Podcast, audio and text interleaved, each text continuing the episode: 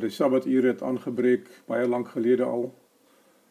En ehm um, u het al deur 'n program gegaan glo ek waar u in sekere forme van aanbidding voor die Here verskyn het. Mag dit wees dat terwyl ons in die erediens saam aanbid en 'n boodskap van die Here soek in sy skrifwoord dat ons die teenwoordigheid van die Here sal aanvoel vandag. Ek wil u uitnooi om saam te bid terwyl ons die aangesig van die Here soek voordat ons begin met ons studie saam.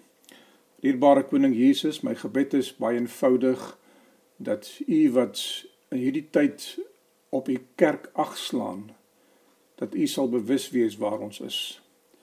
Here dat u ons omstandighede in ag sal neem en dat u vir ons sal herstel sodat ons weer in die als voor voor u kan verskyn in aanbidding as gemeentes en dat hierdie dinge wat in die wêreld gebeur sal verbygaan. Here, ons weet ons lewe in die tyd van die einde, maar my gebed is dat U vir ons nog genade sal gee terwyl daar genade nodig is.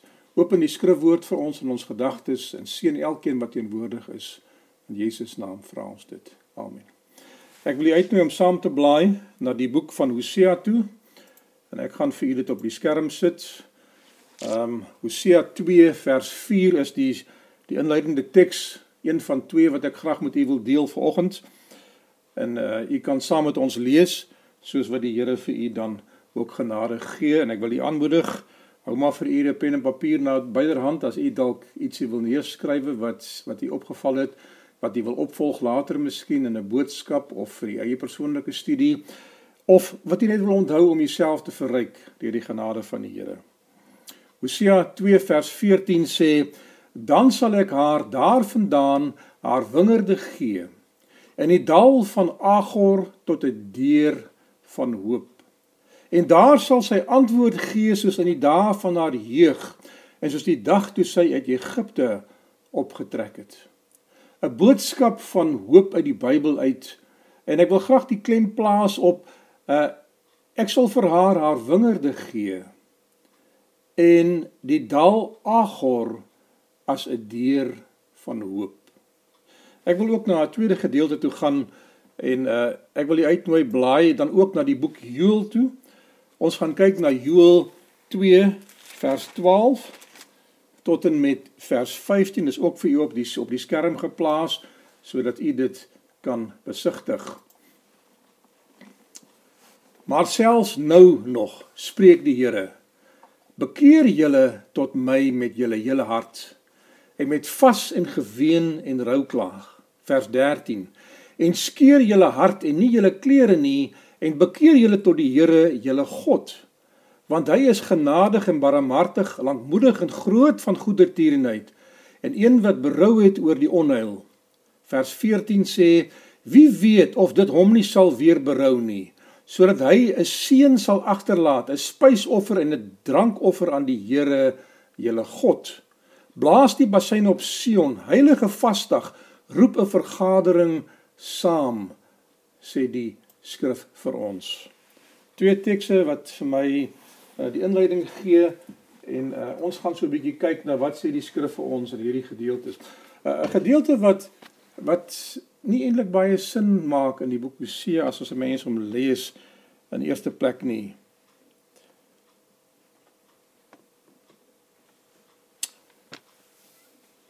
Die deur van of die dal van Agor wat 'n deur van hoop moet wees. Die foute wat ons in die tyd van die einde maak. Geliefdes, ons lewe in die tyd van die einde glo en daar is dinge wat met ons gebeur in hierdie tyd wat noodsaaklik is dat ons daarna moet kyk as ons die vordering na die eindtonele toe suksesvol wil aanpak. Elke dag leer die Here vir ons lesse. U kan u Bybels oopmaak in die boek Hosea, uh Josua en uh Josua 6 is die teks waar ek wil begin. En dit is die verhaal van Israel en hulle uittog waar hulle die einde van daardie pad bereik het en op die poorte van die beloofde land staan en gereed maak om Kanaan binne te gaan. Hierdie is die agtergrond van die verhaal. En uh Ek wil net daar oopmaak eers. Dit gaan oor die verwoesting van Jerigo uh Ragab wat gespaar word, maar ons gaan nie daardie verhaal met u deel nie. Ek wil graag konsentreer op die gedeelte wat in die inleidende teks met u gedeel was. Die dal van Agor is die plek waar Josia en die oudstes en die volk in opdrag van die Here vir Agan gestenig het. En hulle het daardie graf van Agan gemerk met 'n hoop klippe. 'n Monument. En daardie monument het vir 'n paar 100 jaar bly staan tot en met die tyd van die profeet Hosea. Ek het nie die jare getel nie, ek kan dit vir u gaan doen as u nodig het. Maar dit is nie vir my belangrik op hierdie stadium nie dat die Here sê vir die volk van Israel in die tyd van van uh Hosea die profeet. Julle moet gaan kyk na die dal van Agor en daardie hoop klippe en daardie hoop klippe moet vir julle 'n deur van hoop wees. Met ander woorde, kyk, leer die les en doen wat nodig is sodat julle nie dieselfde fout begaan as wat in daardie tyd deur die kinders van Israel begaan is nie. Goed, Josua 6. Josua 6 is die verhaal van Jerigo. Israel staan op die oewer van die beloofde land Kanaan. Die grens tussen die woestyn aan die een kant en die beloofde land aan die ander kant. Ons het nou al so lank op hierdie aarde gereis vanaf Adam af tot waar ons vandag is en ehm um, baie geslagte en baie kinders van die Here het in hulle leeftyd gewonder en gebid en gesê Here wanneer gaan ons in die rus ingaan soos ek in een van die boodskappe met u gedeel het in Hebreërs hoofstuk 4 waar dit nie net praat van die sabbatsrus nie maar die rus van ons arbeid in die rus van die rondswerwering op hierdie aarde waar ons uiteindelik in die Godstad sal aankom en dan finaal na hierdie wêreld toe gaan terugkeer sodat ons kan rus vind en teruggaan na die plan toe wat God vir ons oorspronklik in die tuin van Eden gehad het. Ek glo in my hart dat die die Edenplan het gestop toe sonde gekom het en ons is besig met 'n ompad rondom sonde. En wanneer sonde gehanteer is in die verlossingsplan voltooi is en elkeen 'n kans gehad het om te kies waar hulle hulle alliansie wil staan of of wil wil, plaas in hierdie groot stryd tussen goed en kwaad. Uh dan gaan ons rus vir ewig, sê die Bybel. 40 jaar van stryd van rondswerf.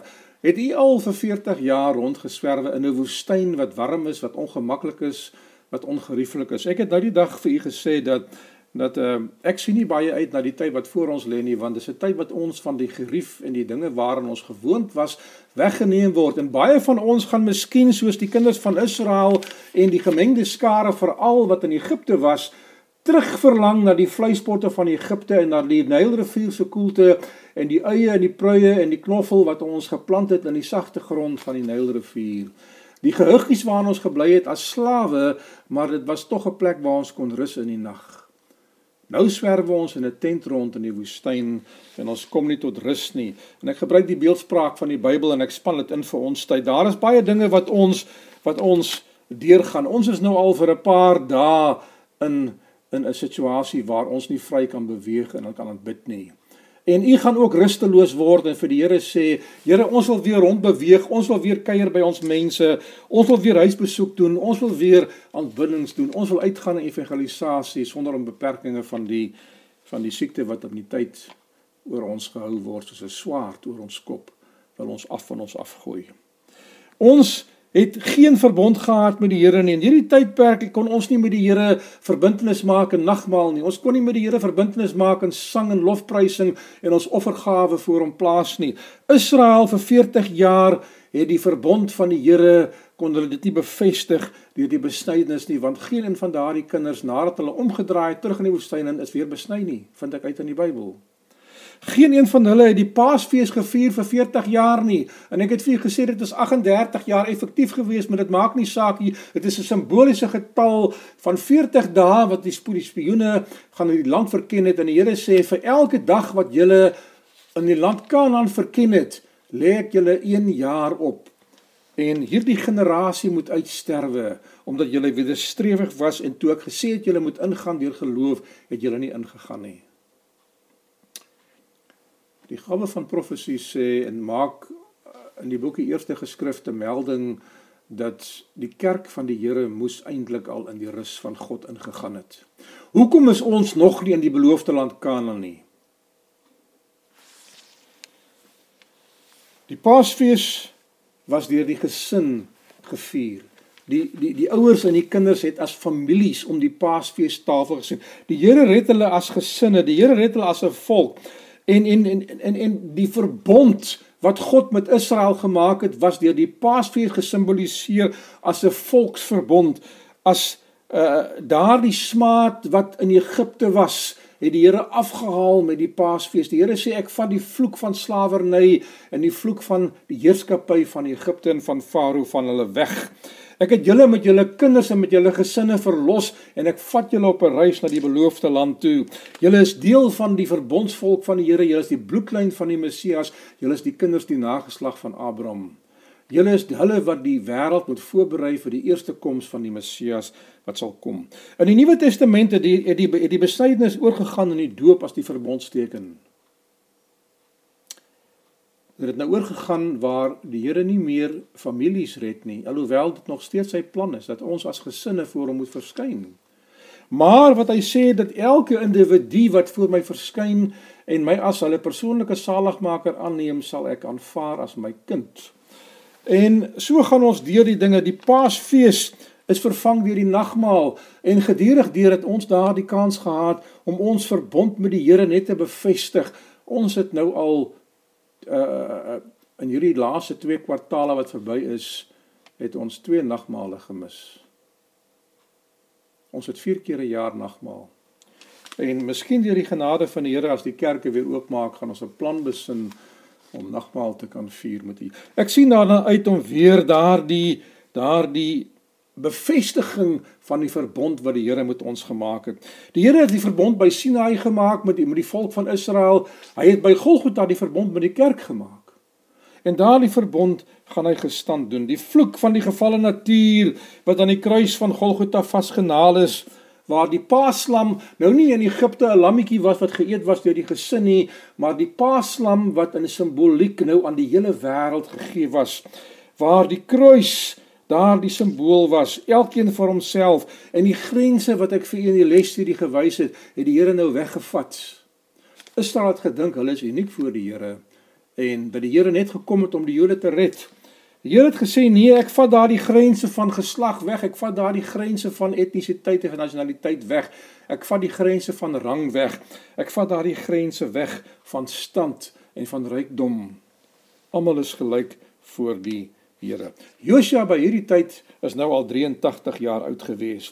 Hy noem hy gee 'n oproep in vers 3, Josia 3 vers 5 wat ek graag vir u wil weer lees. Hou maar u Bybels byderhand. Ons gaan 'n paar tekste lees. 3 vers 5 verder het Josia aan die volk gesê, natuurlik in opdrag van die Here. Heilig julle want môre sal die Here wonders onder julle doen. Het jy agtergekom in die Bybel hoe baie keer daar dinge gebeur wat die Here sê môre gaan dit gebeur. In die verhaal van Numeri was daar twee gevalle gewees waar daar uh in die laar van Israel dinge gebeur het wat die uitsluitsel van die Here nodig gehad het. Die Here moes intree en beslis. Ek tel in die sentiment van die persone wat in my distrik deel is van die programme wat die oopmaak van die kerke probeer bewerkstellig het. En daardie die die sentiment eh, van die mense wat ek optel is dat ons moet gereed maak om dinge te gaan, maar daar is dinge wat ons verhinder. En uh miskien moet daar 'n ander gesag wees wat sal beslis of ons kan oopmaak of nie oopmaak nie. Op hierdie stadium speel die staat en die wetgewing 'n baie groot rol. Die gesondheidsfaktore speel 'n rol en die kerk het bykomende reëls en regulasies daar geplaas wat ons verhinder om oop te maak. En ek wil nie praat oor die goed of die kwaad hiervan nie.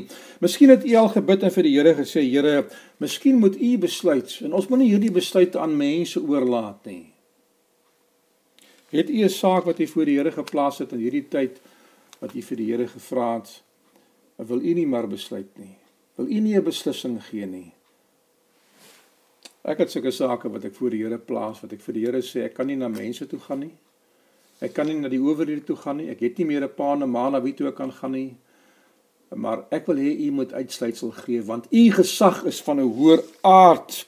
Josia is 83 jaar oud. Hy maak die volk van die Here gereed en die Here sê: "Heilig julle want môre gaan die Here. Die Here gee vir hulle tyd om te besin. Geliefdes, daar's baie min oordeele in die Bybel wat die Here nie vir die mense tyd gegee het om te besin nie. En die uiteinde van hierdie les gaan 'n soortgelyke les tot net bring wat ek vir u gaan wys dat die Here vir u nog tyd gegee het om te besin voordat hy die finale beslissing maak. In die verhaal van van die vorige biduur het ek vir u gesê dat uh Elia het 'n onderskeidingslyn getrek en gesê as die Here God is dien hom, as Baal God is dien hom. Daar gaan 'n tyd in 'n lewe kom wat u moet 'n lyn trek en sê ek is nou hierdie kant of ek is daai kant. Ek kan nie meer ding nie.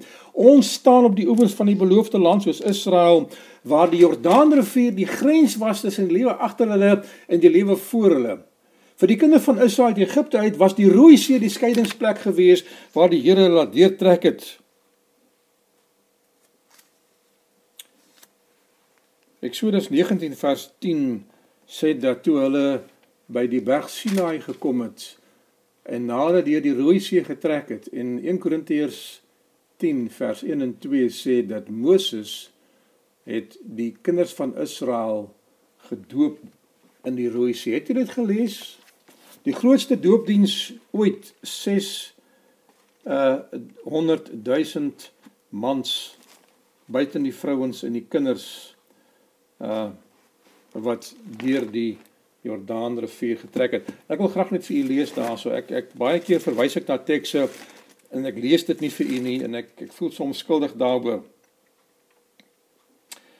1 Korintiërs 10 vers 1 want ek wil nie hê broeders dat julle nie sou weet nie dat ons vaders almal onder die wolk was. Watter wolk? Daardie wolk wat vooruit getrek het. Die wolk by die teenwoordigheid van God en die leiding van God voorgestel het.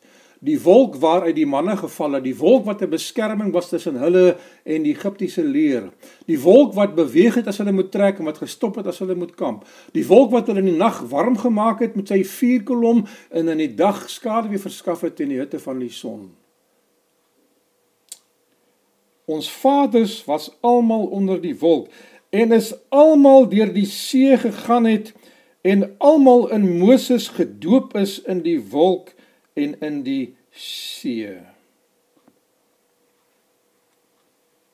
Terwyl hulle die besnydenis gehad het wat later deur die Christelike doop vervang was as 'n verbondsteken, as 'n teken van aanneming, sê Paulus dat die volk van Israel was inderdaad gedoop want die doop is 'n simbool van die oorgang van die ou lewe na die nuwe lewe toe. Geliefdes u sal nie oorstap in die nuwe lewe in as u nie 'n verbond met die Here gemaak het nie. Daar gaan baie mense wees wat nie gedoop is nie in die hemel. Maar wat geestelik daardie verbond met die Here gesluit het en oorgestap het van hulle ou lewe in die nuwe lewe in deur wedergeboorte. Die doop stel wedergeboorte voor en die teken dat ons God aanvaar het as ons persoonlike saligmaker en as die Here van ons lewe. Die oorstap in die nuwe fase in binnekort meer as 100 dae van voorbereiding het nou al reeds verbygegaan vir u uh, as ek die dae so vinnig tel. Wat het u in hierdie tyd van voorbereiding gedoen voordat u kan oorstap in die volgende fase van u lewe in? Geliefdes, ek het vir u gesê en die Here druk dit geweldig op my hart dat ons is besig om in die slottenele van die wêreld in te gaan. Die Here berei die kerk voor en die Here gebruik die omstandighede van die lewe om u tyd te gee om te besin en voor te berei vir die finale slottonele. Wat het u en ek gedoen? Het ons onsself soos die teks vir ons gesê het in Josia uh Josia hoofstuk 3 vers 10 dat ons onsself moes heilig, onsself moes afsonder voor die aangesig van die Here. Ek wil net weer daar oopmaak. Want môre, nie nie môreoggend nie, maar môre, dit wat voor ons lê. Ek het al vir julle gesê die Here se kalender is baie interessant. Die Here se kalender het net een dag. Uh Die Here sê ek sal julle sondes en julle ongeregtighede van julle verwyder af so ver as die ooste van die weste af. Die Here sê ek wat agter is is agter. Ek dink nie aan aan aan aan verlede week en in laas jaar en en die dinge voor dit nie. Die Here sê as ek jou vergewe het, is dit verby. Ek het dit afgeskrywe. Dis opgeteken in die boeke van die hemel. Ek gaan dit hanteer. Ek het dit hanteer aan die kruis van Golgotha. En wanneer ek uitstap, vernietig ek daardie rekord van jou verslag van jou lewe. Maar wat vir agter u lê is agter u as u die Here aanvaar het as as u persoonlike saligmaker. Die Here sê, bekommer jou nie oor dag van môre nie, want jy weet nie wat die dag vir jou sal bring nie. Met ander woorde, daar is nie 'n môre nie. God se kalender het nie 'n gister nie, hy het nie 'n môre nie, maar hy sê in Hebreërs 3, uh vandag vandag as jy sy stem hoor, verhard nie julle harte nie. Maar in hierdie geval is daar 'n interessante ding. Die Here sê môre, wanneer die wanneer dit kom by die oordeelsboodskap van die Here, gee die Here die mens tyd om te besin. En die Here sê môre gaan ek onder julle groot dinge doen, maak julleself gereed. Hy sê in vers 4, hierso interessant, uh, ek wil teruggaan, maar laat daar 'n afstand van omtrent 2000 el tussen julle en hom wees. Dit praat van die ark terwyl hulle na Jerigo toe gestap het deur die Jordaanrivier. Uh moenie naby hom kom nie sodat julle die pad wat julle uh, kan weet waar julle langs moet trek want gister en eergister het julle nie met die pad getrek nie. Die Here sê vir in die beeldspraak van die Ou Testament vir ons ook vandag Julle gaan van nou af vorentoe op 'n pad gaan wat julle gister en eergister nie getrek het nie. Geliefdes, ons is besig om in onbekende terrein in te beweeg waar profesie nog nie vir ons alles voorspel het nie. Daar is sekere dinge wat nie vir ons bekend is nie. En wanneer dit kom by die sewe laaste plan, die tyd van benoudheid, is daar vir ons baie dinge gesê, maar ons weet nie presies wat gaan gebeur nie. Dit is 'n onbekende pad. En u kan net daardie pad bewandel as die Here met sy kerk die ark van God voor u uittrek en vir u die pad aandui en God self die voorhoede vorm. As die ark van die Here voor jou uittrek, beteken dit jou saak in die hemelse heiligdom is afgehandel. En dit gaan voltooi word binnekort. U moet dit in u gedagtes hou. Uh verander julle denke Josua 5 vers 9. As 'n bietjie verder in die teks. Josua 5 vers 9 sê Toe die Here vir Josua gesê: "Vandag vandag het ek die smaad van Egipte van julle afgewentel. Daarom het hulle die plek Gilgal genoem tot vandag toe. Gilgal beteken om weg te rol, 'n klip wat wegrol."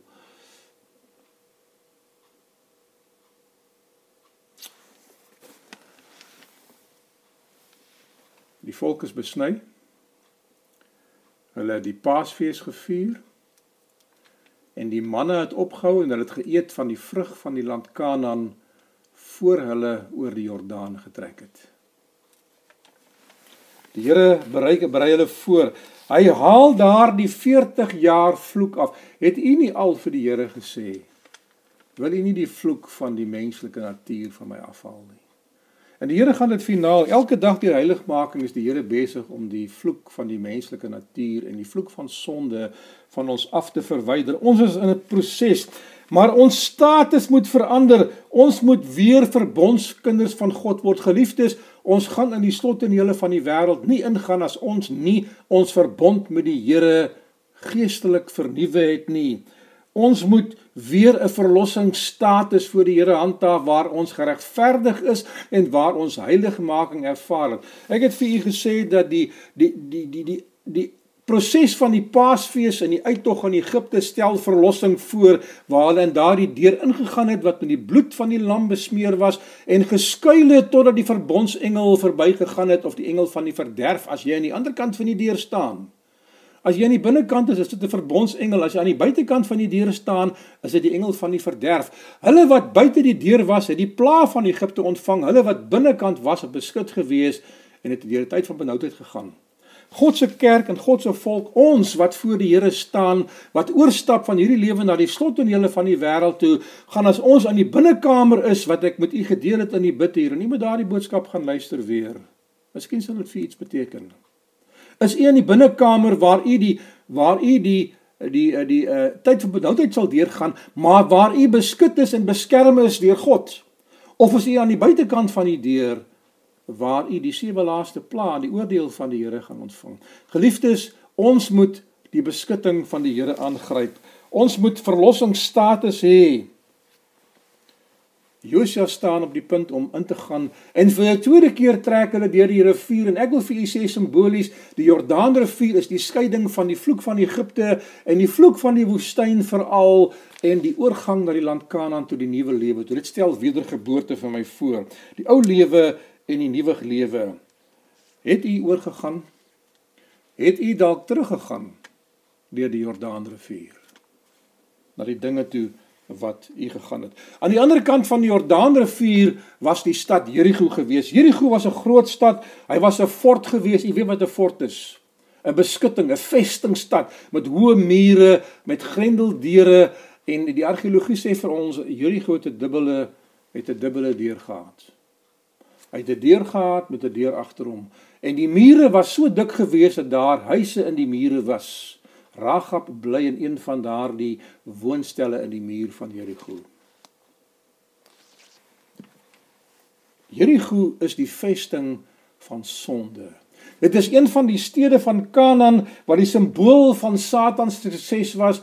En die Here sê ek moet die mag van Jerigo in die mag van Satan breek. Geliefdes, verlossings is die proses waar God die mag van Satan verbreek en die mens losmaak sodat hy heiligmaking saam met die werking van die Heilige Gees kan ervaar. U kan nie heiligmaking ervaar as God die mag van Satan deur verlossing en deur wedergeboorte nie gebreek het nie.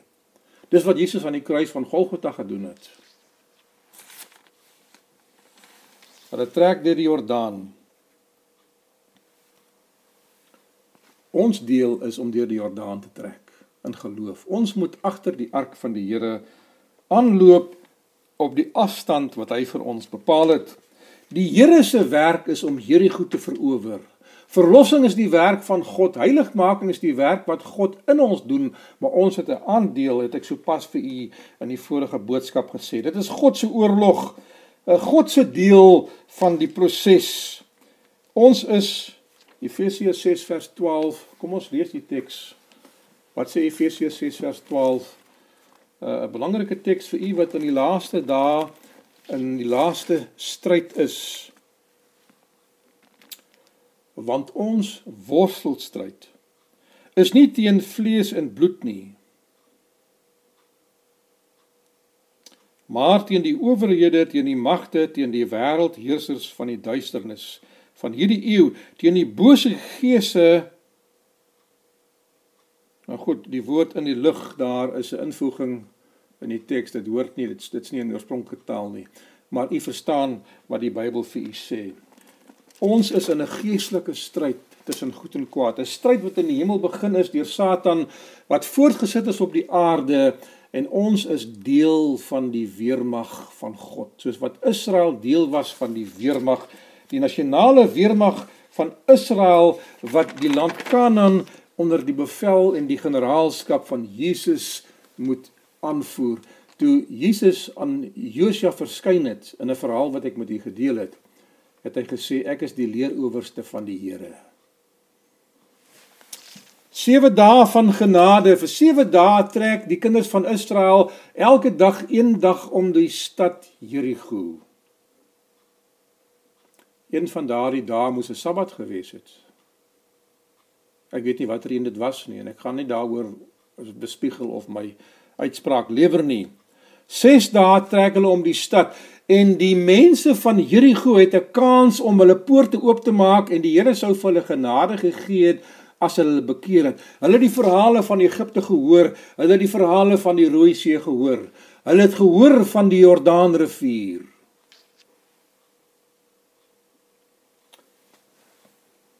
In die boekie Groot Stryd sê dit dat die Here het hierdie aarde kans gegee. En dit gebruik 'n simboliese beeldspraak wat nie 'n letterlike taal is nie van die 6000 jaar wat verloop het sedert die begin van hierdie wêreld. Ons is in die laaste fasette van hierdie wêreld se doodsnikke. In die profeseë van die Bybel is daar briewe aan sewe kerke. Daar is sewe seels, daar is sewe trompette wat sewe tydperke voorstel, geestelike godsdienstige kerk historiese tydperke wat werklik gebeur het, maar wat ook simbolies gebeur. Geliefdes, ons is aan die laaste deel van hierdie fases van die verlossingsplan wat op aarde moet plaasvind. Die Here se koms is naby. Ons is tussen die 6ste en die 7de seël. Ons is ons is tussen die 6ste en die 7de trompet in die inlas. Ons gee nie 'n datum vir die wederkoms van Jesus nie. Maar ons weet aan die tekens van die tyd dat die einde naby was. Alle weerbanne manne simbolies moes deel maak van die oorlog 20 jaar en bo kant hulle. Geliefdes, ek het vir u gesê in die lesstudie dat ons glo in die 'n total membership involvement, die totale lidmaatskap betrokkenheid in evangelisasie. Elkeen van u, every believer is a minister sê die Engelse spreekwoord. Elke gelowige is 'n bedienaar van die woord van God. U is deel van die nasionale weermag van God wat die groot stryd tussen goed en kwaad in die wêreld moet aanval of moet aanvat, liewerster. Jesus is ons generaal. Ons Die volk is daar die soldate en ons moet ons heilig en ons toewy voordat die Here die groot werk aan ons kan doen. Ons kan nie die uitstorting van die laterens ontvang as ons nie deur die prosesse gegaan het wat voorgeskrywe was om onsself gereed te maak nie. In daardie weermag was daar 'n man gewees met die naam van Agan. Die nuwe vertaling sê Akan. Dit maak nie saak nie. Dit is 'n Dit is 'n nuwe eh, ding wat hulle ontdek het in die Hebreëse taal dat baie van die plekke waar die woord die die letter G gebruik is in Afrikaans moet dit eintlik 'n K wees. Goed. Daar is 'n paar name wat verander het as gevolg daarvan. Doen al die voorbereidings. Josua hoofstuk 7 is die verhaal waarheen ons nou skuif. Ons hart moet opreg wees. Agan het saam met die volk van Israel, saam met die nasionale weermag in stryd met die wêreld want dit staan as 'n simbool van God se werk teenoor die wêreld en die mag van Satan. Hy het homself laat besny. Hy het homself toegelaat om deel te wees van die Paasfees saam met sy gesin. Hy het homself gebad en gereinig soos Eksodus vir ons voorgestel het. Ek het net nou nagelaat om te sê dat die voorbereiding in Egipte voor Sinaai was gewees. Hulle moet hulle bad, hulle moet skoonklere aantrek, hulle moet hulle harte voorberei om voor die Here te verskyn want die Here verskyn op die berg en hy praat met hulle. Hulle kon nie in die teenwoordigheid van die Here ingaan nie. Geliefdes, as u vir die Here vra om vir u in te tree en as middelaar in te tree en te besleg, moet u gereed wees om voor hom te gaan staan. Die volk van die Here was geroep om voor die voor die berg te gaan staan, maar nie in 'n afgekampte, afgebakende plek. In die verhale van die van die Ou Testament profete was daar verskeie oproepe veral in die tyd van Esra en Nehemia waar die volk van die Here in sy teenwoordigheid moes kom staan.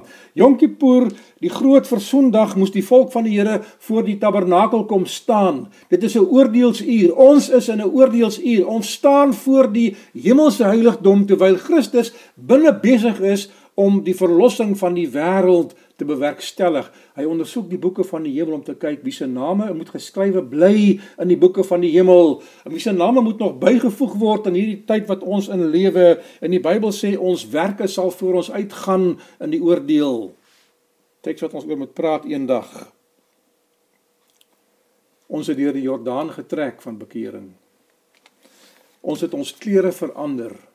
Ons het ons godsdiens aangepas by die leerstellings van die Bybel. Ons het die dwaalinge van Egipte agter ons gelos. Hy het ons saalsakke uitgepak in die verhaal van Jakob waar hy vir hulle sê kom by die terpentynboom van Sichem en begrawe die afgode wat julle gebring het en daardie versiersels wat julle aangetree het en was julle en trek vir julle skoon klere aan en ons gaan na Bethel toe waar ons voor die aangesig van die Here gaan verskyn die plek waar ek laaste God gesien het toe Here aan my verskyn het toe ek gevlug het van Esau af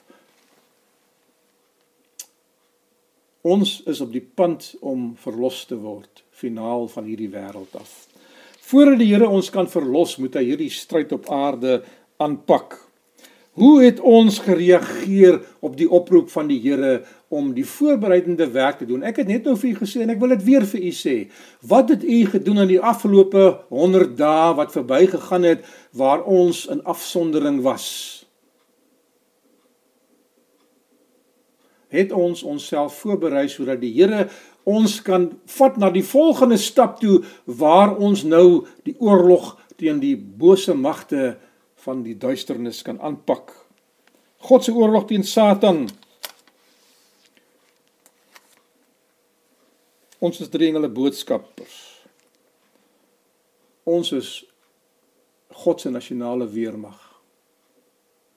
Vir 6000 jaar trek die Here met sy patriarge, met sy profete, met sy volk, met sy kerk om Jerigo van hierdie wêreld En die wêreld het kans gehad om tot bekering te kom. Maar hulle het hulle poorte toegesluit en gesê ons is oninneembaar. Satan sal die mense van hierdie wêreld nie prysgee tensy sy mag gebreek word nie. Geheilig, vergewe, geregverdig is die toestand waarin ons moet wees. Die gawe van profesie sê dat Agan het nie ware hartsbekering in sy hart ervaar nie. Hy het nie sy hart leeggemaak van die dinge en die begeertes van hierdie wêreld nie. Hy het dit nog gekoester in sy lewe. Hy het nog vasgehou aan die hoop om daai dinge te hê. Hy het sy swakhede nie bygelê nie. Hy het sy sonde nie laat staan nie. Maar hy is deel van die nasionale weermag en hy beweeg vorentoe na Jerigo toe in hierdie tog om Jerigo vir 6 dae. In die sewende dag het hy saam geskreeu en die mure van Jerigo gesien val toe die engele van God glo ek daardie mure omgestoot het.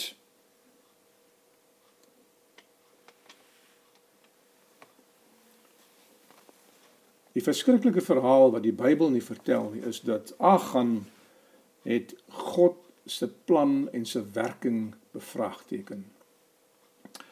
Hy bevraagteken waarom Hulle wat vir 40 jaar in die woestyn geswerwe het, nie hierdie stad wat hulle nou gaan inneem kan vat en gebruik as 'n fort vir hulle self nie. Om hulle te beskerm teen die nasies wat vir hulle sal bedreig nie. Hy het die wysheid van God bevraagteken om al die huisraad en die kos en die vee uit te wis en met die banvloek te tref. Hulle het kom uit uiterste ellende uit. Hulle het skamelderige klere wat hulle gedra het wat wat wat nie goeie klere was nie. Hulle eet kosse van die woestyn. Daardie dinge kon vir hulle gespaar gewees as 'n oorlogsbyt. Hy bevraagteken die Here se genade om die diere dood te maak. Hulle kon daardie diere gebruik het as trekdiere, as werksimplemente, as kos, as dit reindiere was. Hy bevraagteken die Here se genade wat mans en vrouens en kinders, sygelinge almal voor die voet doodmaak en met die bandvloek tref. Omdat hulle deel was van die weermag van Satan in die simboliek. 40 jaar in uiterste woestynomstandighede 'n stad sou lekker gewees het. 40 jaar van manna gewone kos sou lekker gewees het. 40 jaar van die ou armsalige klere, ander klere sou lekker gewees het. 40 jaar om niks te besit nie, om die besittings van hierdie mense te hê sou lekker gewees. Geliefdes, wat wat is in u gedagtes? Wat is die drome wat u in hierdie tyd lewe en in hierdie tyd droom? Het u drome wat u droom wat dalk nie bevredig gaan word nie? Hy is deel van die weermag. Hy is op sy plek. Hy veg waar hy geplaas was. Die Bybel sê daar waar hulle om die stad geloop het toe die mure inval, het elkeen waar hy was reguit vorentoe ingeklim deur die rommel van daardie mure, deur die murasies en geveg en die stad verower en die stad met die bandvloek getref. Verbrand wat verbrand moet word, vernietig wat vernietig moes word en niks vir hulle self gevat nie en alles wat oorgebly het was aan die Here gegee as 'n heilige offer. Enige iets verder. Terwyl hy daar in die stad veg, kom hy af op 'n persiese mantel. Die Vulgaat, die LXX sê vir ons dat daardie kleed was heel waarskynlik 'n Babiloniese kleed gewees wat geborduur was met goud en silwer draad in die some en heel waarskynlik veelkleurig was met lang moue. 'n Persiese kleed wat begeerlik was. En ek kan myself voorstel hoe Agan gestaan het en met hierdie ding in sy hand gestaan het en gesê het, "Moet ek hom in die vuur gooi?" Miskien het hy hom voor homself gehou en hom gemeet aan sy lengte. Hy's nogal die regte lengte. Miskien het hy hom teen sy skouers gemeet soos ons dikwels met klere maak. Hy sal vir my pas. Miskien het hy in die oomblik toe niemand gekyk het, hy daardie mantel vinnig aangetrek net te voel hoe voel hy. Die sagte fluweel aan die binnekant. Ek weet nie die Bybel sê nie vir ons nie. Ek gee vir jou 'n beeldspraak wat ons doen. Ons oorweeg sonde soos Eva in die tuin van Eden. Sy het by die boom vertoef. Sy het nie weggevlug toe die Satan haar aangespreek aangespreek het nie. Die Bybel sê as die versoeker na jou toe kom, Weerstaan hom en hy sal van jou wegvlug, maar gaan jy ook weg. Moenie vertoef in die omgewing waar sonde is nie, want jy gaan oorweldig word daardeur. Hy moes daardie kleed in die vuur gegooi het wat gebrand het en dit dadelik gelos het. En terwyl hy daar staan en twyfel, het die Satan in sy ore hom seker dinge bygevoeg en hy daardie daardie goudstaaf ontdek en hom seker met sy hand geweeg, gevoel. Hoeveel is hy? Wat is sy waarde? Hy het daardie silwerstukke gekyk en getel Hoeveel is daar? Iets wat hy nie gehad het nie, en hy het begeer en 'n tragiese verhaal vind plaas. Agan kan nie daardie goed net vat en met dit wegloop nie, want die hele volk van Israel was teenwoordig toe Josua gesê het julle mag niks vat nie. So hy moet dit nou op 'n manier verberg en wegsteek. Hy moet op 'n manier deur daardie manskappe deurgaan en teruggaan na sy tent toe en daai goed gaan gaan wegsteek daar. Uh hy moet op een of ander wyse by sy gesin verbykom. As hy by daardie goed by sy tent aankom, gaan sy vrou en sy kinders vir hom vra: "My man, wat is hierdie goed wat jy gevat het?" En hy moes hulle oortuig daarvan en hulle moes tevrede gestel gewees het dat die dat die rede waar hy aangegee het dit regverdig? Is daar dinge wat ons regverdig voor die Here en sê ek het dit en dit gedoen of ek is so en so omdat so en so en so gebeur? Regverdig ons ons optrede. Agan moes op een of ander wyse sy familie oortuig dat wat hy doen is reg want hulle staan hom nie teen nie. Hulle wys hom nie uit nie. Hulle bestraf hom nie. Sê nie vir hom van dit terug nie. Hom gevra, "Wat is hierdie nie? Waar kom jy daaraan nie? Hoekom het jy dit gevat? Wat gaan jy daarmee maak? Hierdie verhaal is 'n interessante verhaal. Wat het Agan gedink gaan hy met daardie dinge doen? Gaan hy daardie kleed kan dra? Want die oomblik as hy hom dra, gaan mense hom vra, "Waar kry jy daardie kleed?" Nou vat hy hom en hy begrawe hom in sy tent onder sy matjie, sê die Bybel vir ons. Agan moes sy plek in die geveg verlaat om sy nuwe skatte wat hy bymekaar gemaak het ontslaaf van te raak.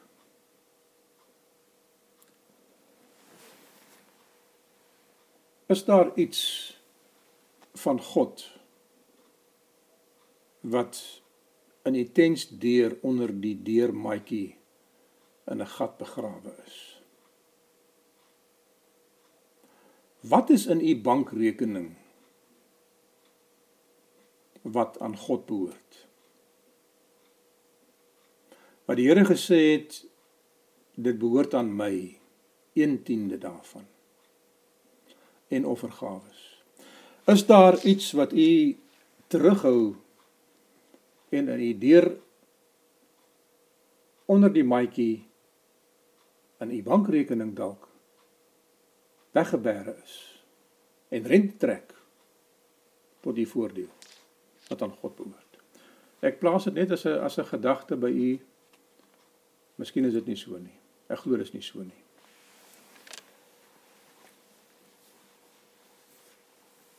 Die verhaal gaan verby en niemand kom iets agter nie. En Agan se gewete word gesus en die stem van die Heilige Gees word sagter. Maar dit is hom geplaas. Hy gaan aan met sy geveg asof niks gebeur het nie. Daar is mense wat dinge in hulle lewe verborg en ek praat met myself waarvan die mense van die kerk en die kinders van die Here niks van weet nie.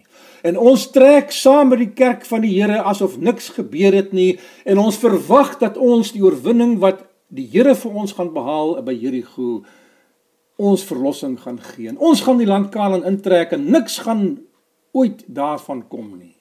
Ons gaan wegkom daarmee. Geliefdes, u en ek sal nie wegkom met iets wat ons in hierdie tyd doen voor die finale aanslag van die Here nie.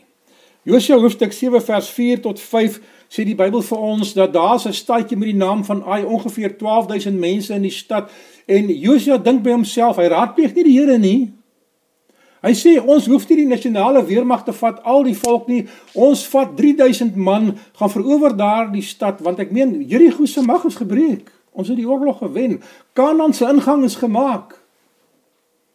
En die Bybel sê dat hulle verloor die slag teen Ai, 'n klein dorpie. 'n Hinderlaag word vir hulle opgestel. En hulle vlug en 36 man verloor hulle lewe in die proses.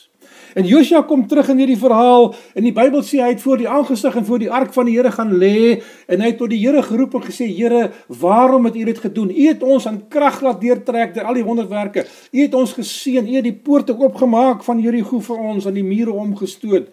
En nou moet ons 'n neerlaag lê. Verwag u die uitstorting van die laatreëns en groot kragtige dade wat die Here gaan doen terwyl u en ek onbelyde sonde op ons harte dra waar ons saak met die Here nie reg is nie soos Agan se saak was. Die Here sê vir Josia, "Waarom skeer jy jou klere? Waarom lê jy op jou aangesig? Staan op, want daar is sonde in die laar." En 'n verskriklike boodskap kom hier uit as jy die getuienisse gaan lees, gaan jy sien dat hierdie verhaal word daar ook vertel buiten patriarge en profete. En dit sê vir ons as daar in die kerk van die Here 'n Agan is, gaan die Here sy seun van die kerk wegvat. Nasionaal in 'n konferensie in 'n kerk, in 'n gemeente, in 'n huisgesin.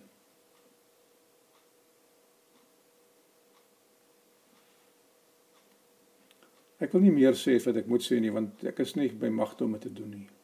Maar ek het daaraan gewonder en die die diensmaag van die Here vra as dinge verkeerd gaan en die Here sy seun van die kerk onttrek het, moet ons kyk of daar nie dalk 'n ag gaan in ons midde is nie. En ek wil nie jy moet agons gaan soek in die kerk van die Here nie. My my my gebed vir u is dat u moet doen wat u moes doen voordat u hierdie tog aanvaar het. Ondersoek u eie lewe en maak seker dat u naam geskrywe is in die boek van die lewe. Die Here gee vir hulle dag. Die Here sê môre sal ek uitsluitsel gee. En die volgende dag dat die Here die die die die die familiehoofde en die stamhoofde en die gesinshoofde verbystap, daardie verbystap voor die Here stel die ondersoekende oordeel voor. Ek het vir julle gesê dat ons gaan in die laaste stryd van die wêreld, die sewe laaste pla in die tyd van benoudheid lê voor die kerk van die Here en ons moet gereed maak vir daardie laaste veldslag van die Here waar die Here 'n demonstrasie aan die wêreld wil gee wat dit is om voor 'n heilige God te lewe sonder 'n middelaar. En niemand wat nie geheilig is en afgesonder is sal in daardie stryd kan wees nie. Jy moet in 'n staat van gereedheid wees en ek moet in 'n staat van gereedheid wees. Ek kan nie voor die Here verskyn met onbeide sondes nie. Die Here sal my nie seën nie. Die Here gee vir ons nog tyd nou om terwyl hy in die hemelse heiligdom vertoef seker te maak dat ons name daar geskrywe is en daar moet bly. En soos daar die kinders van die Here voor Josia verbygestap het, een vir een, het Agan kans gehad om sy sonde te bely. Hy het 'n hele nag gehad om daaroor te dink wat hy hoor die oordeel van die Here. Hy besef hy moet die een wees van wie die Here praat.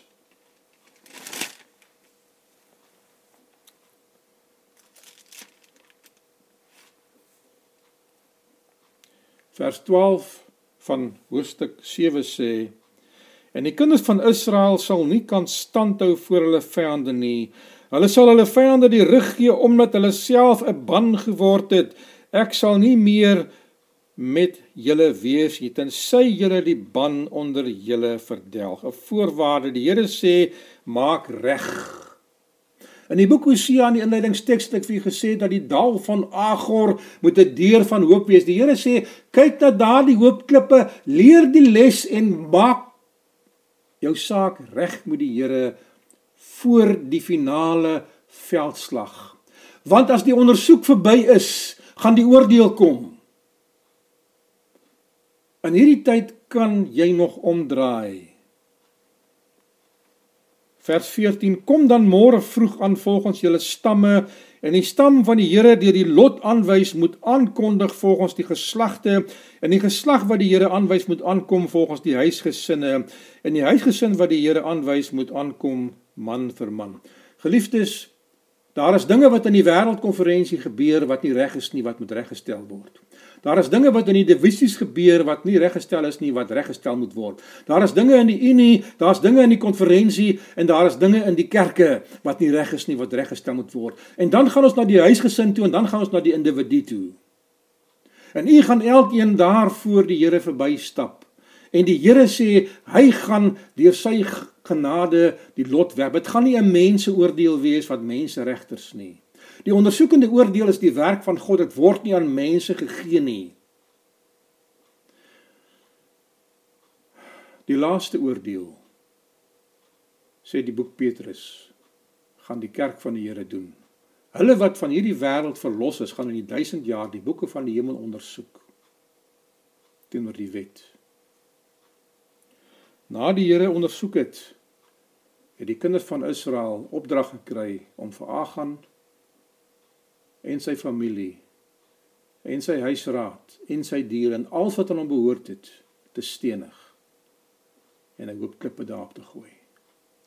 Na die 1000 jaar wanneer die oordeel van God afgehandel is, gaan die Here hierdie wêreld met vuur brand. En alles wat hulle het, gaan saam met hulle brand. Die verhaal van Agan is 'n voorskouing van die ondersoekende oordeel en van die genadeleer van God. Ek het nie met u gedeel nie, maar terwyl Josia opdrag gegee het dat die priesters moes instap en die water gestop het, het die priesters in die middel van die Jordaan gaan stop, het ek al van tevore in 'n boodskap met u gedeel. En daardie in die middel van die Jordaanrivier stop is simbolies van Jesus se werk in die hemelse heiligdom. Die die rivier kan nie terugvloei voordat die priesters uitgetree het nie. En toe die priesters uittreë, toe vloei die water terug. En dit sê in 'n beeldspraak vir ons terwyl Jesus in die hemelse heiligdom vertoef om die ondersoekende oordeel af te handel, kan hierdie wêreld nie tot 'n einde kom nie.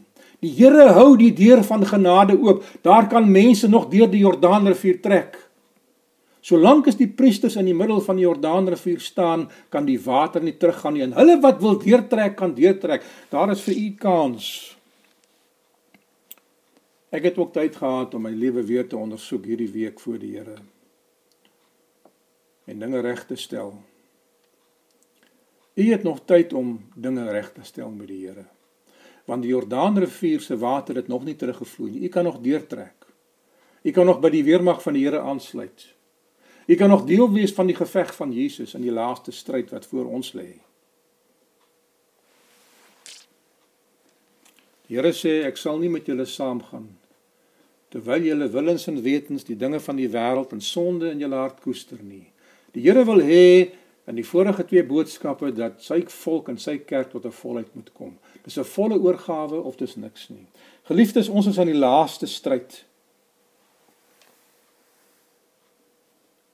God gee julle tyd. Die dal van Agor is 'n deur van hoop. Is dit vir u 'n deur van hoop?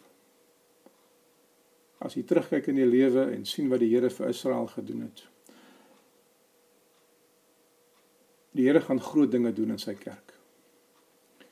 Die Here gaan groot dinge doen in die wêreld. Die Here gaan u kerk en vir u as individu op 'n pad vat wat u nie van tevore geloop het nie. U kan daardie pad nie sonder die leiding van die Heilige Gees ingaan nie en sonder die beskerming van God ingaan nie. As u instap na Jerigo toe, moet u seker wees God gaan die mure van Jerigo omstoot. U moet seker wees die Here gaan u beskerm dat u nie gaan sterf in die aanslag nie. Maar terwyl u daar is, moet u alreeds in 'n toestand wees waar die Here vir u genade gegee het om dit wat in die hart nog verkeerd is te verander deur heiliging. Geliefdes, daar is nog tyd vir u, daar's nog tyd vir my. Die liedjies wat ons sing by die doopdienste, ek gee alles oor aan Jesus. Niks behou ek hier vir my. Ek wens ons kon 'n lied sing. Want liede bring 'n mens tot oorgawe. Mag dit so wees dat u hoop sal hê vir die toekoms. Omdat u die versekering het dat u saak in die hemelse heiligdom is afgehandel. Jy het gaan slaap en jy het opgestaan met die wete ek is vergewe. Bid saam met my. Dierbare koning Jesus, verlossing is so ingewikkeld, ons kan dit nie verstaan nie. Maar dit is so eenvoudig, ons kan dit glo. U het vir ons gesterf. U het vir ons verniet die ewige lewe gegee. U vra dat ons ons lewens moet aan U oorgee en dan sal U binne in ons werk met U Heilige Gees en ons lewens verander om te lyk soos kinders van God. Here, ek wil daardie verlossing wat U vir my gegee het aanvaar vandag en ek bid dat U hulle wat na hierdie boodskap luister, die genade sal gee om daardie verlossing ook te aanvaar. Here, dat ons sal deel wees van God se kerk wat sal deurtrek tot die einde toe. Dat ons oor die Jordaanrivier sal gaan en die dinge van die ewigheid en van die van die hierdie, hierdie lewe agter ons sal los. Dat ons vernuwing sal ervaar. Dat ons gereinig en geheilig sal word dat ons agter die ark sal intrek en ons sondes vergewe sal wees. En Here, as die laaste stryd in hierdie groot weermag van U in die teen die magte van Satan te staan kom aan die einde van die wêreld, dat ons saam met U sal kan veg en oorwinning sal wees. Seën ons nou. Mag nou die genade van ons Here Jesus Christus en die liefde van God die Vader en die soet gemeenskap van die Heilige Gees met elkeen van u wesen bly van nou tot in ewigheid. Amen. Geliefde gemeentes, die Here seën vir u. Geniet die res van die Sabbatdag met wat u ook al mag doen. Hou die Sabbatdag heilig. Maar maak seker dat u saak met God reg is. Tot ons mekaar weer sien. Amen.